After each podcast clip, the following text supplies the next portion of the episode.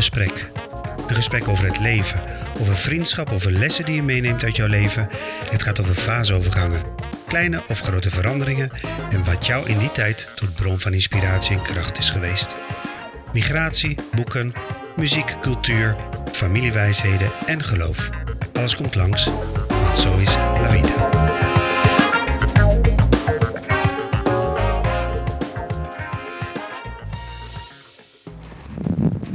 Net in Zwolle aangekomen.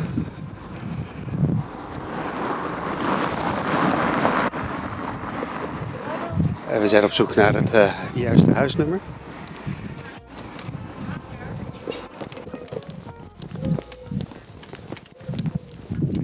De Langerholterweg. Straat? Straat, volgens mij straat. Oh, kijk, straat. Hier wordt een huis gerenoveerd. Mondriaan huis. Breekbaar. Even kijken.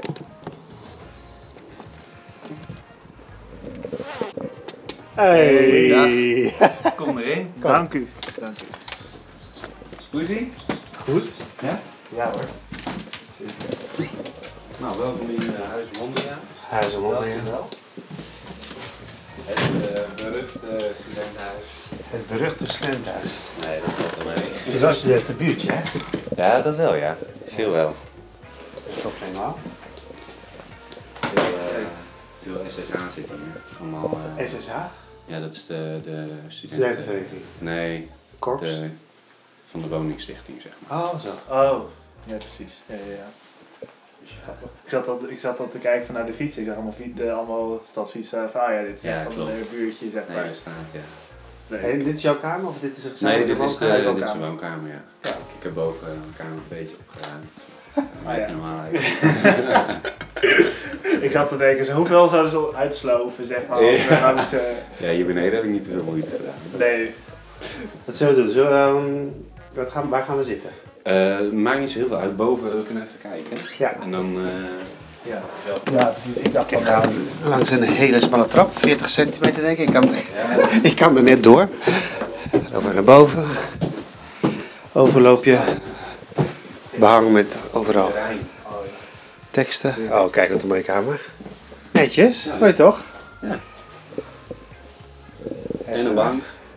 En een bank. En een, Hier bank. kunnen we ook zitten, inderdaad. Ja, En een gitaartje. en, tuurlijk, die mist niet. Alles ligt helemaal klaar.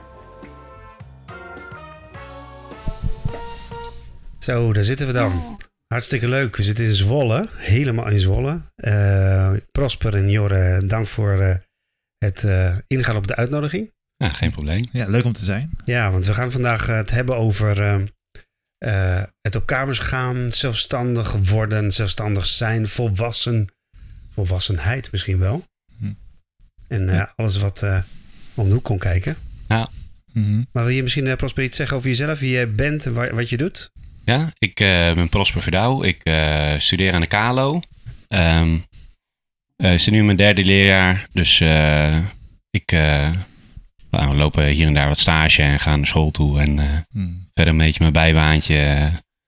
En dat is mijn leven Ja. hier in Zwolle. Welke klas doe je, zeg maar, stage lopen? Eh, ik geef allemaal VMBO-klassen les. Eh. Vooral eh, derde en vierde klasse. Zo, Hm. pittig. Ja.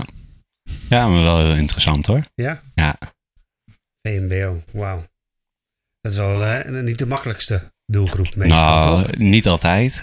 Ze zijn vaak wel heel praktisch, Ja. dat wel. Maar je krijgt er hier en daar ook wel wat tegengas. Ja. Mhm. Maar dan Maar heb je dat- wel het goede vak dan, hè? Ja, Om ze mee te zeker. krijgen. Ja, Kijk, dat zeker. Daar kunnen ze een beetje energie... eh, Precies. Uit. Vaak ben jij nog wel eh, chill, zeg maar. ja, relatief. Ja. of voel je die oproep of die verwachting dat je chill moet zijn? nee hoor, dat, eh, dat valt wel mee.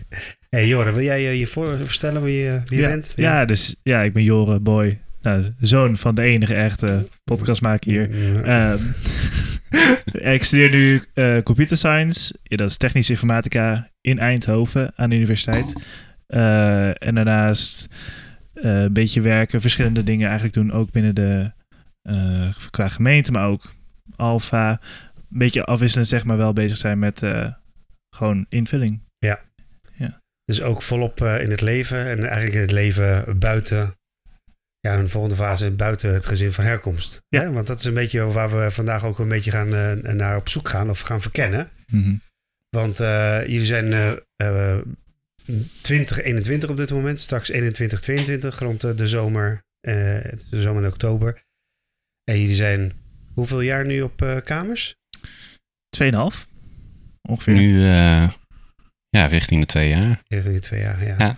Dus je, je, je, we kunnen eigenlijk spreken over ervaring. Jullie weten ongeveer wel wat eh, op kamers Ja, zijn. En, eh, Ervaringsdeskundige, ja. Precies, want hoe is, het, hoe is het bevallen? Hoe is die overgang bevallen? Zullen we daar misschien mee beginnen? Nou, bij mij heel, eh, heel goed. Ja. Eh, ja, zeker. Het is zeker niet dat ik het eh, slecht had thuis, maar ik vond het toch wel heerlijk om een eigen plekje te hebben. Mhm. Lekker je eigen gang te gaan in een andere stad. En zo eh, een beetje de zelfstandigheid eh, tegemoet te gaan. Als je zeg zegt een andere stad, is dat, is dat ook een eh, meerwaarde geweest of gebleken? Of was dat in ieder geval jouw verwachting? Oeh, eh, ik denk dat het eh, wel helpt bij zelfstandigheid. Ik ken ook wel mensen die, die hier in Zwolle op kamers zitten en hun ouders wonen ook- in Zwolle. En dan zie je dat ze nog best wel hangen aan, zeg maar. Mhm. Dus eh, voor de zelfstandigheid is het wel, eh, wel is voor mij helpend beter geweest. Om Ja, echt in ja. het diepe te gaan. En voor jou, Joren? Ja. Hoe, hoe was het voor jou? Voor mij was het dus, ik moest, ik moest bijna op kamers, want het was Eindhoven. Dat is toch wel een stukje, stukje met de trein. Ja. Dus voor mij was het bijna een soort van het, het moest eigenlijk. En ik merkte wel gelijk van, oh wow, dit is wel echt vet om inderdaad dat allemaal zo mee te maken en zelfstandig soort van te worden. Omdat ook wel, het voelde wel als een grote stap, zeg maar. En die ik waarschijnlijk misschien niet zelf dacht van, oh, dat heb ik echt per se, dat moet voor mij nu. Ik heb daar de motivatie voor om op kamers te gaan, maar meer oh, eh, het is nu een kans. En zodra het gebeurt, is het ook echt super vet en leuk. En eh, dingen uitzoeken, zoals, oh ja, eh, hoe kook je dit eigenlijk? Ja, ik, voor mij is het altijd gemaakt. Of, oh ja, dus als je de ramen was, waar moet je dan op letten? Of zo, weet je. Ja, En dan, opeens gaan ogen open. ja, Of precies. zo voor... Van ja, wat... Eens wat aan. Eh, we- we gaan de ogen, Nou, voor, voor hele praktische dingen eigenlijk. Eh, hoe de was gedaan moet worden tot eh, hoe er gekookt moet worden inderdaad. Ja. En eh, hoe lang je in je bed blijft liggen, want niemand die trommelt je eruit. Dus ja, Dat was je af en toe wel gewend? ja eh, nou, Als het, als- mijn ouders trommelden me niet eh, heel snel eruit. Maar je, je krijgt toch eh, een opmerking naar je hoofd als je Ja. na twaalf uur naar beneden komt, zeg maar. ja. Dus, eh, Dus ergens heb je dan heb je geen spiegel meer die je wel had. Ja. Want die, eh, Ja, de- Ja. Dat, dat zorgt ervoor dat je zelf eh, kan bepalen wat je gaat doen, maar ook eh, dat je daar een waarde aan kan hechten. Dus eh, ik vind het belangrijk om eh, vroeg op te staan en dat, dat je dat uit jezelf doet. En niet omdat je ouders dat willen, zeg maar. Mhm. Ja. En dan ga je toch wel, dat worden de regels die je thuis hebt, die worden opeens duidelijk van, oh, daarom hebben we ze, zeg maar. Dus, oh, nu snap ik waarom ehm, we goed moeten afspreken dat dingen schoongemaakt worden, of bepaalde dingen geregeld zijn, want anders gebeurt het inderdaad niet. Ja. En dat eh, loopt snel uit de hand eh, binnen een paar weken, ja, zeg heb maar. je daar een voorbeeld van?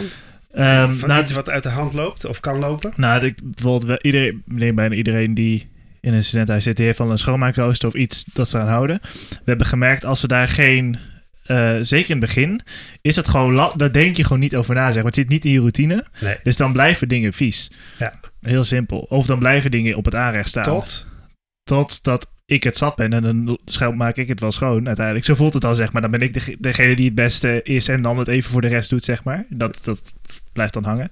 Maar dus daarna wel van, hé, hey, wil je er wel op letten en gewoon eh, het... eh, gewoon zo, zeg maar. En dan, dan ga je misschien er een straf aan hangen of zo. Van, oh, dan koopt iemand een... eh, Straf, zeg je dat nou? ja, dus als je het niet doet, dan moet je een kratje kopen of Oh, zo. ja, ja.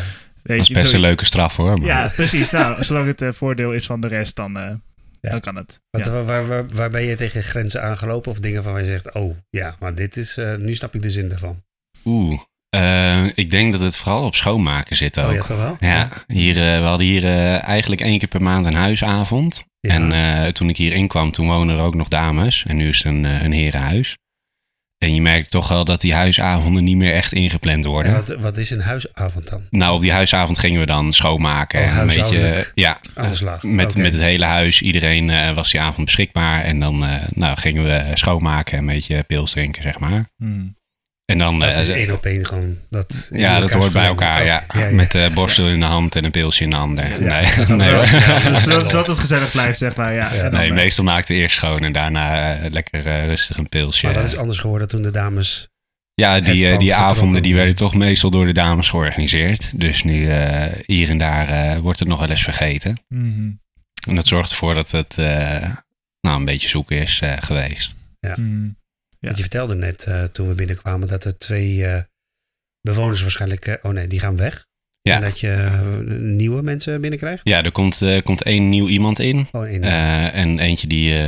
dus we hebben twee eh seniorleden van onze studentenvereniging. En de rest die, die zit allemaal nog bij de vereniging, zeg maar. Ja. En een van die seniorleden die gaat, die gaat weg. maar dan is dit de kans om oude gewoontes of foute patronen te doorbreken. ja, En, en, daar, wat zijn ga we, je tegenhouden? daar zijn we heel bewust van. Dus Ja. we hebben het al gehad over een eh schoonmaakrooster. Gewoon dat, eh, dat, dat het moet gebeuren, zeg Oké. maar. En wie is van de roosters hier?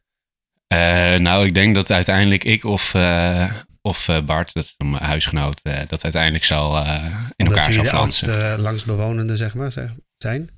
Nee, dat niet zozeer, maar gewoon omdat we dat chill vinden, zeg maar. Vinden. Ja. Ja. En bij jullie, eh, joh, hoe is dat gegaan? Ja, dus de grap is inderdaad, we nu, zodra er een nieuwe huisnood komt, en dan, dan word je opeens bewust van de dingen die je eigenlijk hebt uitgesteld de hele tijd. Dus we hebben ook in de woonkamer, zetten wij onze schoenen altijd neer. En eh, nu is dat gewoon volledig, iedereen zet daar zijn schoenen neer en het zit dus een beetje rommeltje. Dus we hebben al heel lang het idee, gewoon een paar plankjes opzetten, dan kun je daar je schoenen op zetten.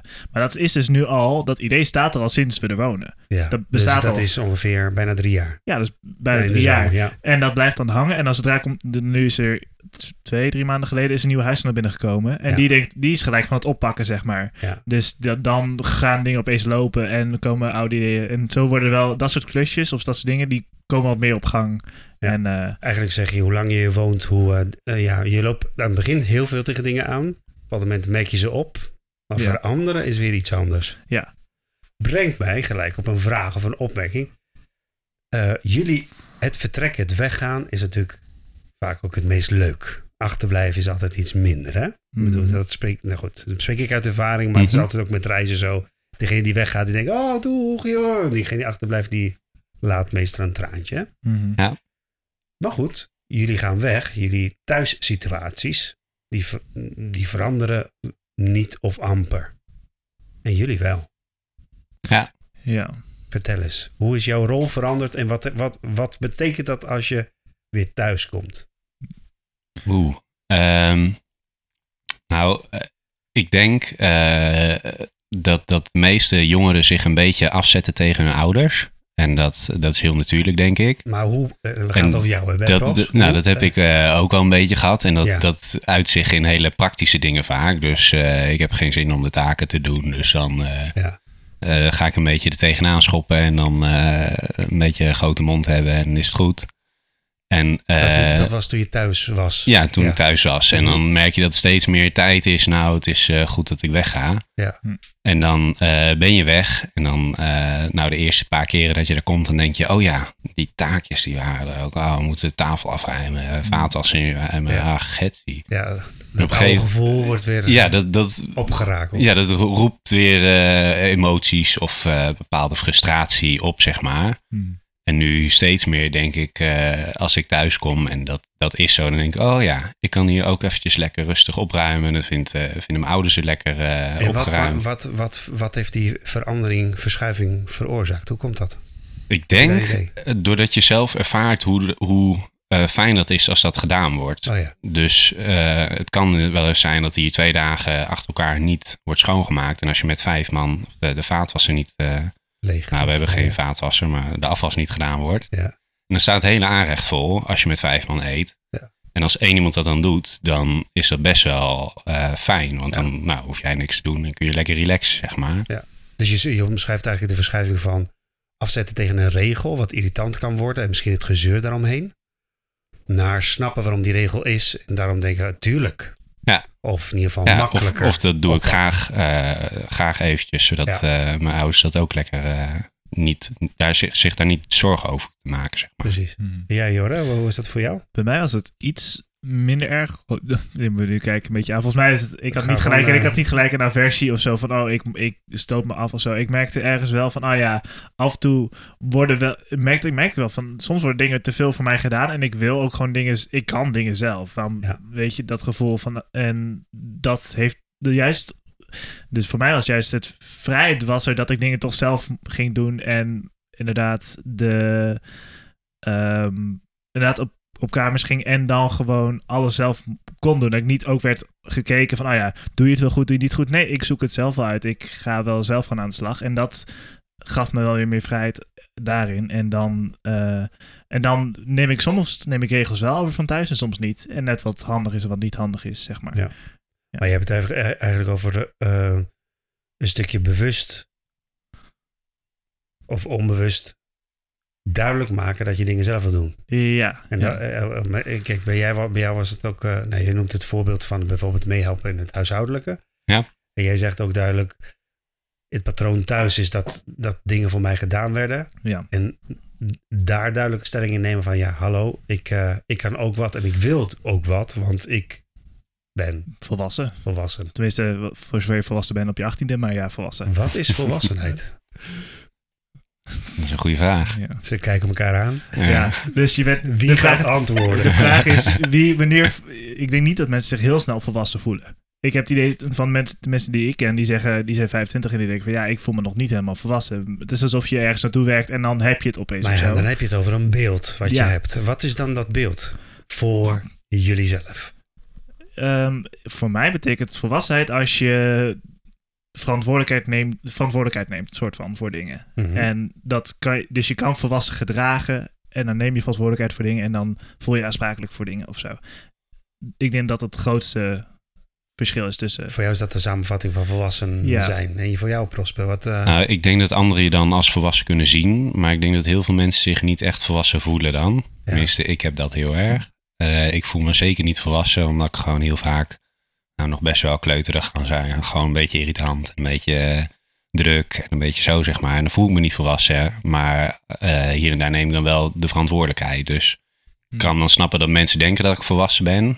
Maar dat ik dat zelf niet zo ervaar. Mhm. Want vind je dat iedereen volwassen moet zijn? Eh, nee.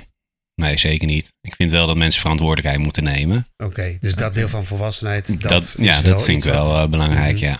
Maar ik vind ook dat je lekker een beetje kinderlijk mag, eh, mag blijven. Zeg ja. maar. Ja. Ja. Dat Ja. wel. Ja.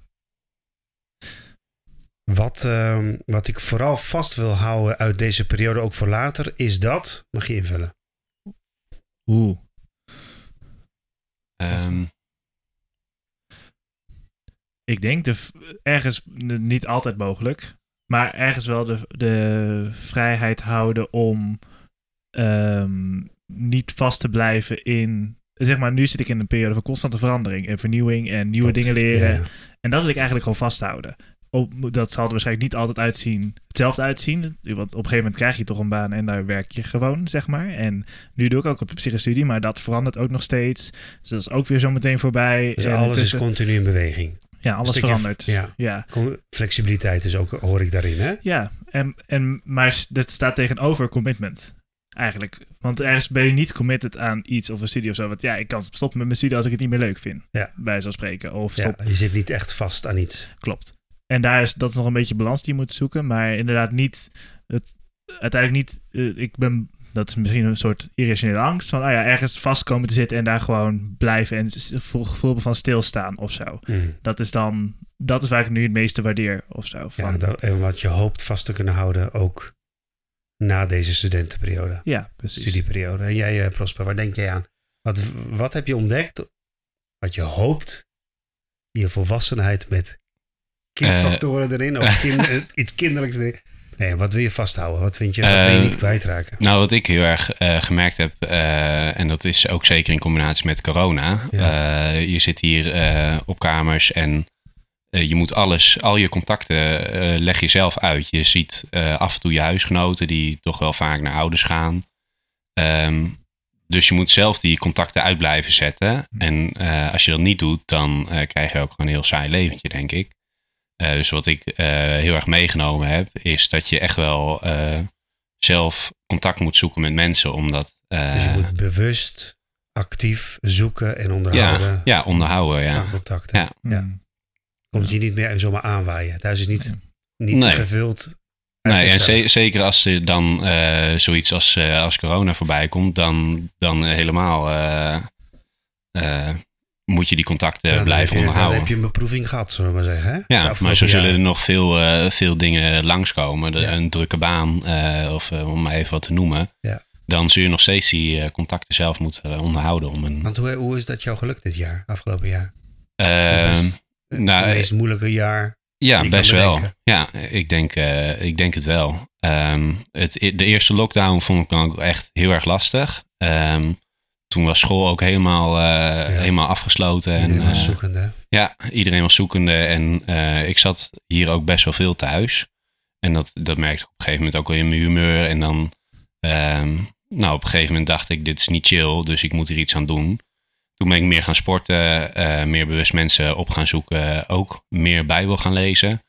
En die drie dingen bij elkaar, die hebben ervoor gezorgd dat ik veel meer een sterker ritme heb en veel meer ehm, ja, lekkerder in mijn vel zit, zeg Ja. maar. En dat heb ik die tweede lockdown veel beter eh, kunnen doen. En eh, Dat je een soort van voorbereid was en je wist wat er komen zou. Maar ook, ja, en ook je, hoe je dat dus op moet lossen, zeg maar. wat jou dus geholpen heeft. Want Ja. daar hebben we het vaak in deze podcast over. Wat helpt je door moeilijke tijden heen? Ja. Je zegt contacten zoeken, fysiek actief blijven. Ja. En je bent christen, zeg je, en je, Bijbel lezen of dat ritme. Ja, of in ieder geval iets, iets van geestelijke verdieping eh, vinden. Ja. Goed ding op dat vlak. Ja. Mooi om te horen hoor. Jure? Ja, ik, voor mij, ik zit te denken aan het. Ik, als ik terugkijk naar die tijd, dan denk ik van uiteindelijk zijn er ehm, best wel veel dingen nog gewoon doorgegaan. Voor mij, zeg maar. Dus voor mij was de studie, studie informatica. Nou, alles kan gewoon vanaf huis. Gewoon gestreamd, gewoon ook opdrachten, dat Mhm. soort dingen. Dus alles gaat daar gewoon door. Ja. Mijn werk kon gewoon doorgaan. Dus dat is ook wel, ook wel echt zijn zegen van, ah ja, ik kan nog steeds blijven werken. Dus ook nog steeds salaris krijgen enzovoort. Ehm, en ook na- Navigators is ook gewoon online gegaan, zeg maar. Dus de groep die, waarmee ik jouw, meeste eh, afspreek. Studentenvereniging, hè? Ja, de groep waar ik het meest mee afspreek, die, die komt nog steeds samen, zeg maar in dit geval online. En Dat, dat was zeker onwennig en dat is zeker wel wennen. Eh, maar zodra we dat ritme hadden, was het wel makkelijk om dat gewoon te blijven doen. Want het was gewoon, wel- het was nog steeds gezellig, het was nog steeds leuk om te doen. Ja. En dan hou je inderdaad precies dat contact. Dus dan heb je, het, eh, hebben jullie het allebei over de combinatie van aan de ene kant de taakgericht met de studie bezig zijn. Maar ook hoe belangrijk sociale contacten zijn, in welke vorm dan ook. Hè? Of opzoeken, waar Ja. mogelijk, hoor ik Ja. eh, van jou, Prosper. Of zelfs online eh studieverenigingsgenoten. Ja. Ja. Blijven opzoeken en elkaar ontmoeten. Hoe onwennig ook, ja. Want wat heb je gemist in die periode? Weet je dat nog, eh, Jorre? Wat heb ik gemist? Het was, eh, het was vooral, toen begon het echt net lekker weer te worden de tijd. En dacht ik van, ah ja, ik wil eigenlijk met mensen naar plekken toe of naar Ja. een stadje of weet ik veel wat. Of misschien, uiteindelijk, toen zeg maar alles een beetje wegging in- tegen juni, juli aan, Ja. zeg maar. Toen we, ben ik ook inderdaad met mensen naar het strand geweest, zeg maar. Dat was echt zo leuk in vergelijking met van, ja, ook al was het, dan ging je niet met de hele groep, maar dan ging je met bijvoorbeeld met vier mensen of zo. En dat was, al, dat was dan al zo'n, echt een hoogtepunt of zo. Ja. Zo'n dus, groot contrast tussen bijna ehm, woestijn, eh, socia- sociale, hoe zou je het kunnen noemen? Sociale woestijnperiode. ja. van maart of april, 14 maart was het geloof ik hè, Mhm. eh, tot eh, juni. En dan krijg je weer het gevoel van, oh we kunnen bij elkaar zijn en het kan leuk zijn. Het is, het is ook nog op een prachtige plek hoor ik, strand. Ja, Mhm. ja, precies. Ja, en En dat, grotere tegenstelling ook- kan je niet bedenken. precies, het is een hele grote tegenstelling. En ook tegelijkertijd dat je denkt van, oh ja, het is nog steeds, eh, het is nog steeds gezellig of zo. Het is nog steeds, het is niet anders dan voor corona, zeg maar. Het is allemaal blijven, blijven onderhouden. Ja. Of zo. Het is niet gelijk allemaal weg. Ook of net klaar. precies wat Prosper zegt, hè? het belang van het blijven onderhouden, ga je Ja. ontdekken. Ja. Ja. De- Als je het onderhoudt, ja, heb je er profijt van. Ja. Dat ontdek je. Ja. En anders niet, anders, anders appt het ook weer weg. Mhm. Oh, ja. Goed. ehm, ik heb een stelling. Niemand kan niet beïnvloeden. Ja? Niemand, iedereen. Hè? Ja. Iedereen beïnvloed. Wie heeft Ja. jou de afgelopen tijd enorm vooruit geholpen? Oeh. Ehm, ik denk zelf dat dat eh, mijn vriendin is. Jouw vriendin. Ja. We hadden het er net al eh, heel kort eventjes over. Maar eh, bijna anderhalf jaar heb ik nu een hele toffe vriendin. Leren kennen bij de studentenvereniging. Ja. En ehm, we zeiden laatst nog tegen elkaar, zijn we een beetje veranderd. En toen zei zij tegen mij, ik denk het wel. Aan het begin had je nou, nog niet heel erg een mening over, over van alles en nog wat. En nu begin je steeds meer je eigen mening te vormen. En dat, eh, dat is dus echt wel een grote verandering, zeg maar. En daarin heeft, heeft zij ook echt wel eh, nou, veel vragen gesteld en, eh, en daarin gezorgd voor die verandering. denk Ja. ik ook. Mhm. Dus je zegt door, door de vragen die ze stelde, door de misschien... Ik noem het wel eens spiegels, maar misschien zeg je Ja. het te vaak. Maar Maar Die het is, jou, het is wel een goed begrip, denk ik. Ja, de spiegels die zij voorlegt, die, die zorgen voor verandering, denk Ja. ik. Mhm. mooi. En, ehm, en als we het hebben over spiegels, Jorre, is er, ehm, is er misschien een eigenschap van jezelf die je nog niet ontdekt had? En die, toch naar boven had. kwam, Jemig. juist misschien in het afgelopen jaar of eh, in de afgelopen periode. Ik denk dat ik, ik. Dat kan ook zijn dat ik het gewoon net op die manier veranderd ben. Maar wat ik wel ben gaan ontdekken is dat ik over meer dingen een mening heb dan ik soms door had. Dat ik toch wel in mijn hoofd had van, ah ja, eh, dat ik stiekem eh, toch wel eigenwijs of niet opensta voor sommige dingen. Omdat ik denk van, oh, blijkbaar heb ik daar al een mening over. Of toch eh, zo, zeg maar. Eh, dus dat, dat werd me opeens duidelijk. Van, nou ja, ik, dat ik weet van, nou, sommige dingen heb ik nog niet helemaal doordacht per se. Maar heb ik wel al een sterke intuïtie over. Dat, daar kwam ik gewoon achter, zeg maar. Dus dat, omdat mensen dan naar gingen vragen, dachten van, oh ja. Maar ik heb, dat mensen dan tegen me zeiden van, oh ja, volgens mij heb je wel een mening over van alles nog wat. Of kun je overal wel mee meepraten of zo. Dus ik dacht van, Ja. nou ja, dat is eigenlijk wel. Wist ik niet van mezelf of zo. mooi. Ehm, ik heb jullie vooraf ook een vraag gesteld of eh, voorgelegd van jongens, eh, als jullie iets hebben, een stelling of misschien een boek of een film, muziek of iets wat je deze afgelopen, nou, dit afgelopen jaar of afgelopen twee jaar eh, geholpen heeft of voor jullie inspirerend is geweest. Ehm, nou, breng het vooral in. Mhm. Wie kan ik aankijken? Ik heb wel een stelling. Een stelling. Ja. Gaan we. stelling is, eh, je moet goede vrienden zijn of worden met je huisgenoten. Oké. Want ik dacht ergens van, misschien wel, want het maakt het natuurlijk wel weer gezellig, maar is het noodzakelijk? Kun je ook je goed genoeg vrienden zijn met mensen die niet in je huis wonen? Ja. Maar je stelling is, je moet goede vrienden zijn Ja. met je huisgenoten. Ja. Oeh, eh, ik denk, natuurlijk moet het niet, maar het helpt voor jouw, eh, jouw gevoel denk ik wel heel erg. We hebben hier, eh, nou, zoals ik net vertelde, ook twee oudleden wonen. Die zijn ook al iets ouder. Je merkt dat, dat die gewoon iets, eh, iets meer afstand hebben van nou, de andere drie jongens. En eh, nou, dat is gewoon een beetje vervelend soms. Ja. Dus als je wel echt goede vrienden bent met je, met je huisgenoten, dan, dan helpt dat wel heel erg, denk ik. Ja. En nou Ah. helpt het, heb, heb je het over cohesie eigenlijk, hè? Dus Ja. eh, samenbinding. Ja, eigenlijk wel. Dan- Samen in huis houding vormen. En jij, voor Ja. jou, Joro, hoe is dat voor jou dan? Ja, dus ergens, dat is wel grappig. Want bij ons, ik, ik, toen ik op kamers ging, toen ging dat gelijk met vrienden van de middelbare school. Dus ik Oh, ja. kende ze al heel goed, zeg Ja. maar. En toen kwam, dus nu pas recentelijk, kwam pas een nieuw iemand wonen, zeg maar. Dus dat was Ja. ook een heel interessant proces van, nou ja, hospiteren en dat hele verhaal. Dus dat mensen langskomen. Ehm, en toen kwam ik achter van, nou ja, toen ging ik het er met andere mensen over hebben. Want die zeiden van, ja, eigenlijk ben ik niet zo, ken ik mijn huisgenoten niet zo goed. We zijn een beetje onverschillig naar elkaar en dan is het prima, zeg maar. We maken onze eigen dingen schoon en is het goed. Dan blijft het daarbij, zeg maar. En ik dacht van, ja, hoe belangrijk is het dat je goede vrienden bent? Maar het helpt wel enorm als je ehm, gewoon makkelijk even kletst tussendoor als je even koffie aan het halen bent of weet ik veel wat. Ja. Of ehm, Als elke- basis er ligt, hè? Of in Ja. ieder geval gevonden wordt. ja, Mhm. precies. Dat je wel gewoon de vrijheid voelt, zeg maar, om... eh, dat je toch een beetje het gevoel van dat je samen in het huis woont... in plaats van eilandjes bent, zeg maar. Nou, ik denk, want als je thuis komt, dan zijn dat de mensen die je ziet. En die zie je elke dag natuurlijk. Dus daarbij moet je jezelf kunnen zijn. En als je eh, nou niet echt eh, heel erg goed bevriend bent, dan kan het een beetje schuren. En dan kan het ook zo zijn dat je misschien niet helemaal jezelf kan zijn. En dat is gewoon heel erg belemmerend, denk Ja. ik.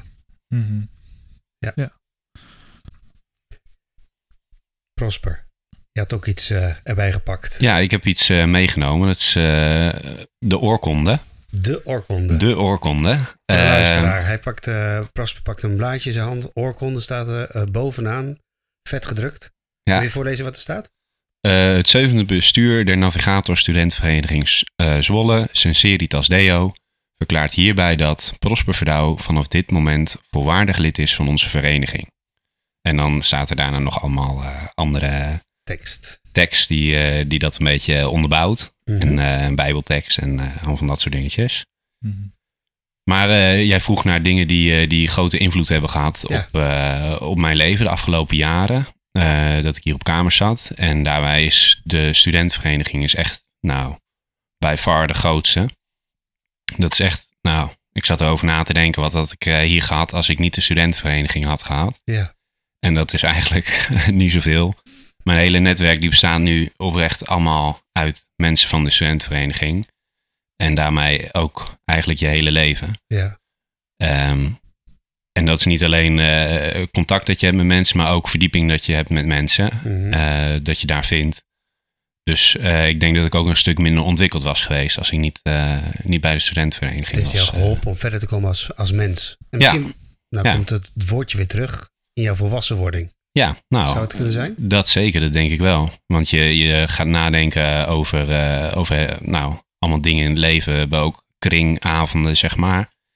En eh, daarbij eh, nou, ga je over dat soort dingen nadenken. En daarin Ja. ontwikkel je en vorm je mening over. Ja.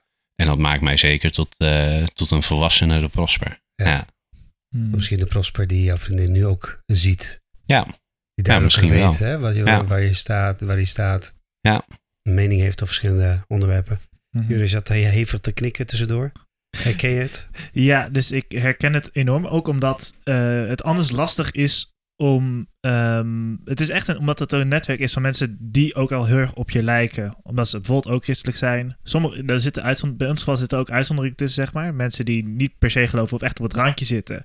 Die de- kunnen je ook weer uitdagen. Maar daardoor, zeg maar, door zo'n groep te hebben. Ehm, leer ook, dus niet alleen, dan ben je inderdaad wordt uitgedaagd in die onderwerpen, maar ook in die onderwerpen door mensen die in die zin ook al hetzelfde fundament hebben als jij, zeg maar. Dus daar kun je ook, daar kun je ook verder mee gaan Mhm. dan je met een gemiddeld persoon. Maar is het ook niet zo dat eh andersdenkenden jou juist nog verder zouden kunnen helpen, omdat je bewuster over dingen moet nadenken? Dus ergens ja en nee. Het, is stellen, het, zijn, het, zijn ander, het zijn andere soort vragen dat er worden gesteld. Mhm. Het zijn niet eh betere of slechtere vragen. Mhm. Dus je stelt inderdaad andere vragen van, oh, je bent misschien iets meer bezig met bijvoorbeeld geloofsverdediging. Als je het hebt met iemand die niet christelijk is bijvoorbeeld, dan ga je Ja. meer hebben over waarom en hoe.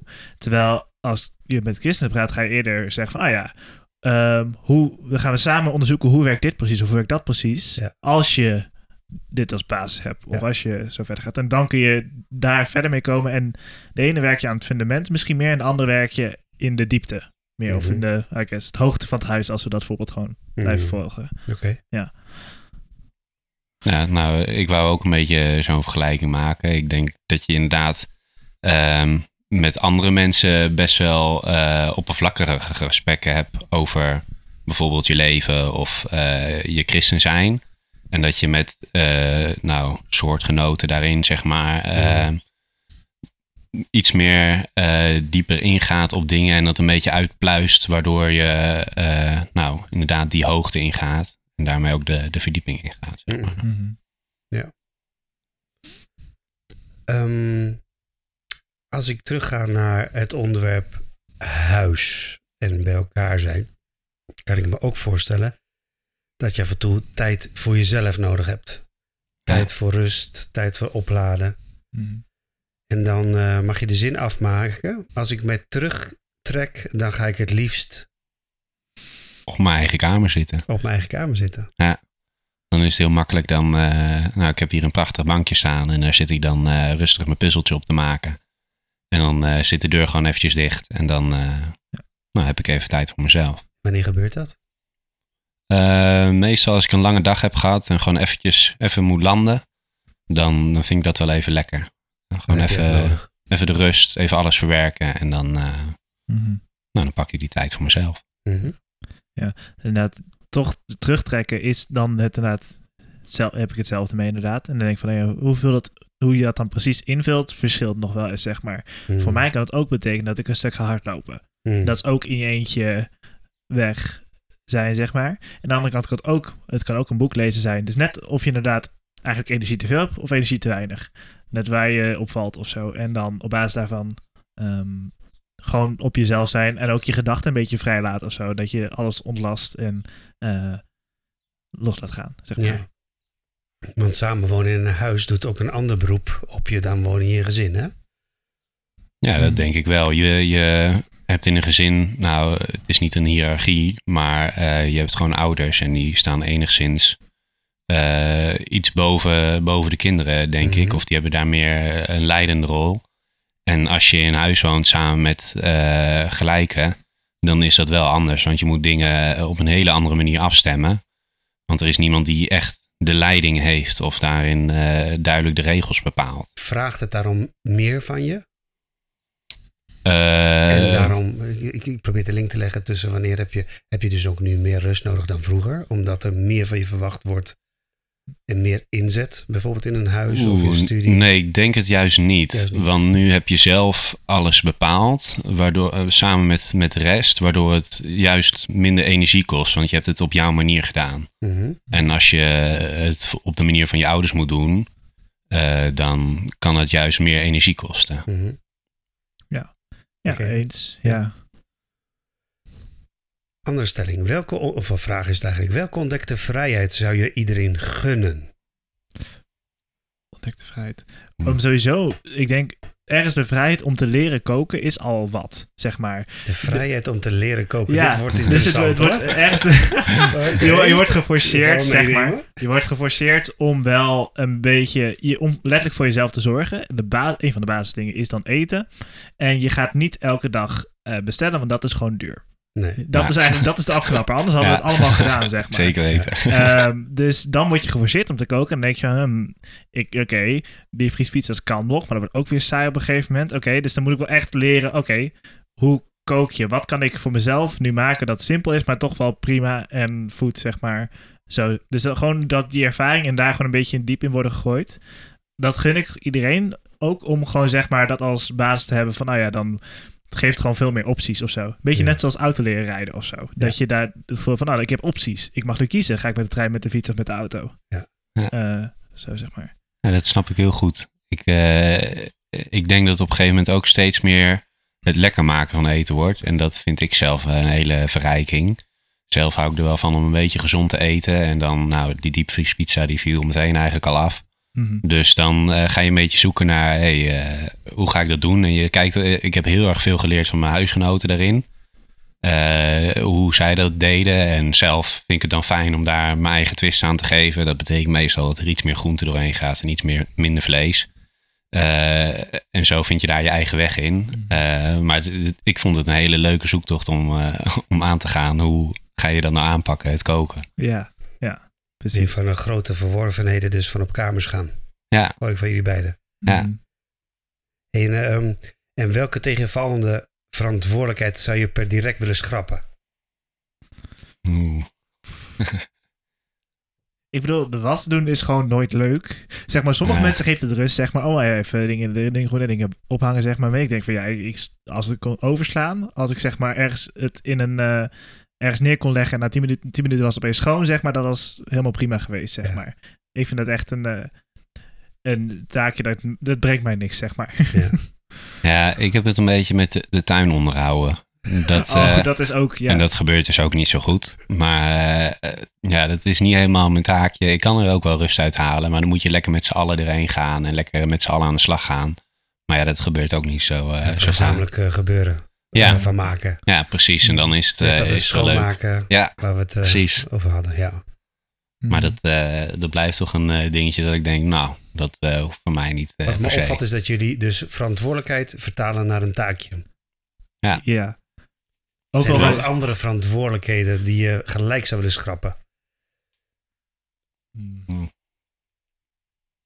Ja, de enige verantwoordelijkheden die je echt hebt, zijn de dingen die schoongemaakt moeten worden. Voor de rest heb je het echt allemaal voor jezelf Kijk, bepaald of zo. ja, goede samenvatting van Ja. op kamers gaan. Ja, precies. Zelfstandig Want voor de rest ben je, ja, in die zin ben je verantwoordelijk, bijvoorbeeld ook verantwoordelijk dat je, dat je je studie afmaakt. Daar ben je echt zelf verantwoordelijk voor. Maar de me- ik denk dat de meeste mensen die tegenwoordig helemaal, zeg maar, ergens heb je natuurlijk keuzestress. Nou, wat is wat? Is het wel mijn studie, is niet mijn studie? Maar vaak, als er iemand iets voor gekozen heeft, dan hebben ze ook wel de drijfveer om het soort van af te maken als ze het echt willen. Ja. Ehm, dus in die zin, heel veel dat soort dingen heb je toch zelf voor gekozen. Dus dan lukt het ook wel om de verantwoordelijkheid op te pakken en ook leuk te vinden of zo. Ja. Ehm, en dan is schoonmaken is dan zo'n ding van, nou, het is meer, um, het moet omdat ik weet dat het beter is, lange termijn, Ja. zeg maar. Maar nu is het niet leuk. Nee, is Nee. het even niet leuk. Nee, nee, nee. Precies. hey, ehm, maak de zin af. Ik had graag beter voorbereid willen zijn op. Waarop? Oeh. Eh, op ritme vinden, denk ik. Ja. Ik denk dat, eh, dat ik dat in het begin wel een beetje eh, lastig vond. Dan ga je dus lekker uitslapen en dan, eh, dan loop je er tegenaan dat je de hele dag eigenlijk een beetje loom bent. En een beetje, nou, dat je gewoon net niet een net niet dag hebt. Nee. En dan eh, op een gegeven moment dan denk je, nou, hoe ga ik dit veranderen? En op een gegeven moment dan denk je, nou, misschien moet ik maar niet heel lang eh, in mijn bed blijven liggen. En dan vind je dat ritme steeds meer. Maar het was wel lekker geweest als dat, als dat iets eh, duidelijker al was vanaf het begin. Aha. Maar ja, dat is gaandeweg heb ik dat geleerd, zeg maar. Ja. En heeft dat ook niet waarde, een waarde op- in zichzelf, om dat gaandeweg te leren? Ja, denk ik wel. Eh, ik denk dat het daardoor wel beter blijft hangen, zeg Want maar. als je vader het had gezegd of je moeder, Ja, nou, dan was dat toch wel anders geweest. Mhm. dan had je misschien, eh, nou ja, vul maar aan. Voor jou dan? Ehm, ik zat ook te denken aan eh, ergens, het, ook weer, het heeft met contact onderhouden te maken, zeg maar. Want ergens was dus een balans vinden tussen, oh ja, ik ben hier om te studeren. En tegelijkertijd moet ik ook, het zijn nog heel veel dingen die eraan vast komen te hangen, zeg maar. Een van de dingen is dat je na het met mensen, ik bedoel, in het begin is het altijd gezellig om mensen, met mensen af te spreken, maar dan ook een balans vinden tussen, oh ja, wanneer zeg je ja tegen iets, wanneer zeg je nee tegen iets. Want soms moet je gewoon studeren. En soms is het gezellig zijn juist hetgene wat je nodig hebt, zeg maar. Ook qua eh, op te laden misschien. op te laden, precies zo eigenlijk. En in Mhm. het begin was het gewoon heel erg van, ah, je gaat toch wel bij een vereniging of zo. En die bepaalt je schema, praktisch.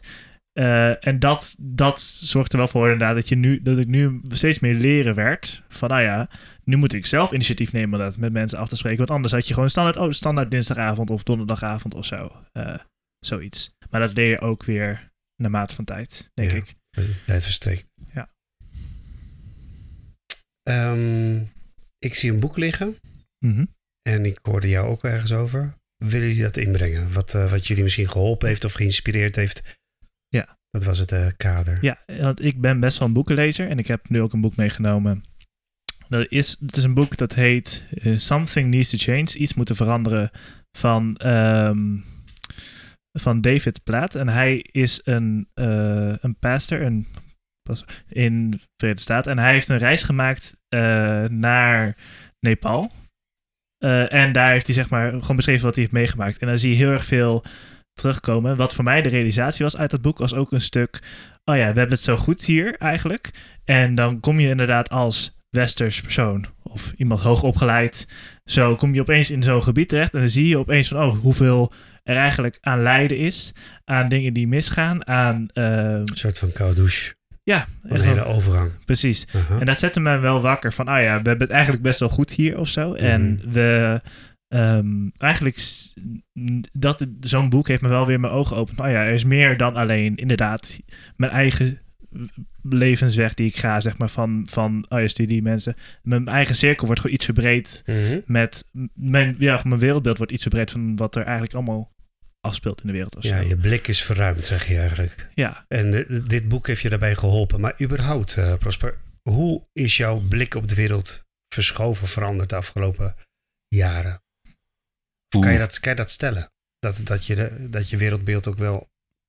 Nou, ik denk dat mijn mijn wereldbeeld wel veranderd is. Tenminste, mijn wereldbeeld. Misschien eh, Of hoe je naar mensen kijkt. Kijk, dus ook wereld naar buiten. Ja, nou, wat, eh, wat ik eerst heel erg ervaarde, eh, is dat ik op een nou, christelijke middelbare school zat. en een beetje, nou, christelijk, eh, je zit natuurlijk in je kerk en daar zitten al je contacten. En dat is allemaal binnen één, misschien twee steden. Eh, voor mij was dat dan Amersfoort en Nijkerk, zeg maar. En daartussen zit je een beetje, eh, en heel veel verder gaat je wereld niet. En eh, toen ik op kamers ging, werd dat juist veel groter. Dan kom je ook veel meer mensen tegen die niet geloven, die je aan de tand voelen. niet alleen op basis van geloof, maar ook op gewoon waarden die je hebt. Ja. Ehm, waardoor je veel meer eh, dus die eigen persoon weer wordt. Ehm, ja. En daardoor is mijn... Want ik kan me voorstellen, je zegt het nu ook weer. ehm, ehm, kijk, iemand die niet gelovig is en niet christelijk is, die denkt, oh ja, daar heb je twee studenten in een christelijke bubbel. die van de ene christelijke bubbel naar de volgende gaan. Mhm. Ja. Namelijk een middelbare school, wat lekker eh, eh, hoe zeg je het, beschermd is en knusjes is. Het Ja. zijn aanhalingstekens. Mhm. Naar een studentenvereniging, wat ook nog christelijk is. Ja. En eh, hier kan je kunnen hoge huizen bouwen. Eh, omdat je met eh, jongeren omgaat die Ja. hetzelfde denken. Of in ieder geval, het klinkt als een aardige kristalhuisje, zeg maar. Crystal Ja. Palace-achtige Mhm. praktijken. Ja, snap ik heel goed. Ja. En eh, daarnaast, eh dat merk ik bij mij op werk. Daar kom ik ook veel, heel veel mensen tegen die, die eh, juist niet christelijk zijn. En ik moet vaak met hun eh, in de auto zitten. En nou, je, je hebt het altijd wel ergens over. Ja. En dan krijg, je- dan krijg je eh, wel interessante gesprekken over waarom bepaalde waarden voor jou belangrijk zijn. Mhm. En dan kun je dat ook bij hun aan de tand voelen. En dan kijken waar dat bij hun vandaan komt. En dan wordt je wereldbeeld dus echt een stukje verruimd. Mooi, Ja. mooi. Ja. Eigenlijk zeg je, vertel je iets over hoe diversiteit hè, ehm, Ja. ook bij kan dragen tot een verbreding van, jou, van jouw blik van de wereld. Maar ook Ja. tegelijkertijd, want niemand kan niet beïnvloeden, Ja. hoe jouw eh, visie of waarden, normen of jouw inspiratie anderen eventueel Ja. zou kunnen verrijken. Ja, want dat merk ik ook gelijk van toen je dat zei. Van eh, ergens is niet geloven is ook een geloof. Mhm. Tenminste, zo zie ik het ook. Van, ah, het is ook weer iets dat je inderdaad voor jezelf als... ehm, als je er niet inderdaad... Ik, daar is het ook gewoon... Er bestaat ook gewoon zeker een bubbel in. Van niet in aanraking komen met geloof. En niet daarover nadenken voor jezelf, zeg maar. Maar gewoon je, je eigen ding doen. Dus dat leer je inderdaad sowieso inderdaad, nou, bijvoorbeeld op werk. Ehm, en voor mij zijn er ook verschillende manieren waarop ik het gevoel heb eh, dat ik wel uitgedaagd word in die zin om goed na te denken over waarom geloof ik dingen of waarom zie ik dingen als waarden of normen die ik heb. Mhm. En daar heeft dit boek op zich ook wel bij geholpen, want dat is ook weer een, een hele andere realiteit die even Want wat beschrijft deze David Platt? Ja, dus het is een reis van, hij is gewoon door de, door de bergen, bergwandeling, zeven dagen. Door allemaal kleine steden, dorpjes, eh, niet, niet in steden, gewoon dorpjes zeg maar van misschien een paar honderd mensen. En dat hij dan, eh, nou, best wel erge verhalen tegenkomt van families. En ook, eh, ook een stuk christenvervolging zit erin, maar ook heel veel gewoon, nou, boeddhistische praktijken die waarvan die zeggen van ja, dat, dat is gewoon te gek voor woorden dat zoiets moreel gezien kan, zeg maar. En de gekkigheid die daar allemaal bij komt en ehm, gewoon dat soort verhalen. En dan denk je van, nou ja, daar zit ook weer de, de mensen die, als hij dan daar komt en die vra eh, hij vraagt bijvoorbeeld van, oh ja, weten jullie wie Jezus is? Dan, zegt hij, dan zeggen zij van, nee, geen idee. Dus dan hoor je ook gelijk van, nou, het is zo afgesneden van de rest van de wereld Mhm. of zo. Ehm, en dat, voor mij helpt het ook weer inderdaad om te zeggen van, nou ja, ik moet ook bekend worden met wat andere mensen denken en wat ik als aannames heb, eh, zeg maar. Mhm. Ja. Want je noemt het gekkigheid. Kijk, de luisteraar die niet christen is, denk je denkt van, oh, hoezo gekkigheid en boeddhisme? Oh, ja, nee, niet, nee, niet, natuurlijk niet alles. Maar het zijn gewoon hele specifieke ehm, Je vormen, zeg maar. Dus dat, en het, vooral, dan heb ik het vooral over de, de extreme natuurlijk. Van, eh, oh, dat, ehm, dat zeg maar eh, een gezin die had... eh, eh, tussen, aan, tussen aanhalingstekens een ongelukje, waardoor ze van de berg zijn afgevallen, oh, omdat zeg maar zulke verhalen zeg maar die voorbij komen of als bewijs van offer bedoel je? Nee, dus omdat ze bijvoorbeeld christen zijn. Of omdat ze iets geloven wat eigenlijk de, de, de power structure, de, eh, de balans tussen wie hiërarchisch gezien Mhm. bovenaan staat, dat dat wordt verstoord. Mhm. Dat soort verhalen krijg je langs. Je krijgt ook verhalen langs van eh, kinderen die heel slecht behandeld worden, zeg maar, omdat Mhm. er een bepaald geloof achter zit of een bepaald idee Overtuiging. over de geestelijke wereld, zeg maar. Mhm. Ehm, en dat zie je allemaal voorbij komen. Denk ik van ja, dat is gewoon, dat zit zo in contrast met wat jouw mensbeeld is. Ja. En wat jij, welke waarde je in mensen legt. Ja. Dat noem ik gekkigheid. Ja, het is goed om dat te verduidelijken, want alles Ja. wat we niet kennen kan gek overkomen. Ja, En, eh, en het komt meestal niet uit het niets. Hè? Het wordt eh, gedreven door overtuigingen. Ja. Ja. En ik denk confrontatie met die overtuigingen, en dat vertelden jullie, jullie in jullie eigen verhalen en in jullie eigen levens de afgelopen jaren ook. Die confrontatie eh, maakt ook helder waar je zelf staat, maar ook eh, waar de ander staat en wat je tot dan toe misschien nog niet wist. Ja, Mhm. zeker. Prosper. Ja, ik eh, vond het nogal mooi om een stukje voor te lezen wat, eh, wat mij in mijn geloof verder heeft geholpen. Mhm. En eh, ik denk dat dat niet alleen in geloof eh, handig kan zijn, maar ook eh, voor mensen die niet geloven. Ehm, ik zal een stukje voorlezen uit Matthäus 25 en dan vanaf vers 31. Matthäus is een van de evangeliën. Ja. Voor, Dus eh, je gaat een stukje voorlezen. Wanneer de mensenzoon komt, omstraald door luisteren en gezelschap van alle engelen, zal hij plaatsnemen op zijn glorierijke troon. Dan zullen alle volken voor hem worden samengebracht en zal hij de mensen van elkaar scheiden zoals de herder de schapen van de bokken scheidt. De schapen zal hij rechts van zich plaatsen, de bokken links. Dan zal de koning tegen de groep rechts van zich zeggen, jullie zijn door mijn vader gezegend. Kom en neem deel aan het koninkrijk, dat al sinds de grondvesting van de wereld voor jullie beschermd is. Want ik had honger en jullie gaven mij te eten. Ik had dorst en jullie gaven mij te drinken. Ik was een vreemdeling en jullie namen mij op. Ik was naakt en jullie kleden mij. Ik was ziek en jullie bezochten mij. Ik zat gevangen en jullie kwamen naar mij toe. Dan zullen de rechtvaardigen tegen hem antwoorden: Heer, wanneer hebben wij u hongerig gezien en te eten gegeven, of dorstig en u te drinken gegeven? Wanneer hebben wij u als vreemdeling gezien en opgenomen, u naakt gezien en gekleed? Wanneer hebben wij gezien dat u ziek was of in de gevangenis zat? En zijn we naar u toegekomen? En de koning zal hen antwoorden: Ik verzeker jullie, alles wat jullie gedaan hebben voor een van de onaanzienlijkste van mijn broeders en zusters, dat hebben jullie voor mij gedaan. Daarna vertelt hij ook nog over eh, iedereen die dat niet gedaan heeft. En dan, eh, maar ik vind het mooi om te focussen vooral op het deel eh, dat het wel doet.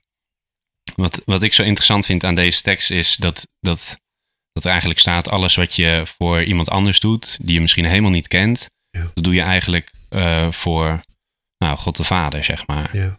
En eh, waarom ik dit ook mooi vind voor mensen die niet eh, christelijk zijn, eh, is dat eh, dingen voor andere mensen doen, eh, nou, zowel voor die persoon een heel eh, fijn gevoel geeft, omdat hij geholpen wordt, Mhm. maar ook eh, voor degene die daarin geeft, eh, nou, heel vaak een fijn gevoel geeft, omdat je het idee hebt dat je eh, van waarde bent voor iemand. ja, iets kan betekenen. Ja, Ja.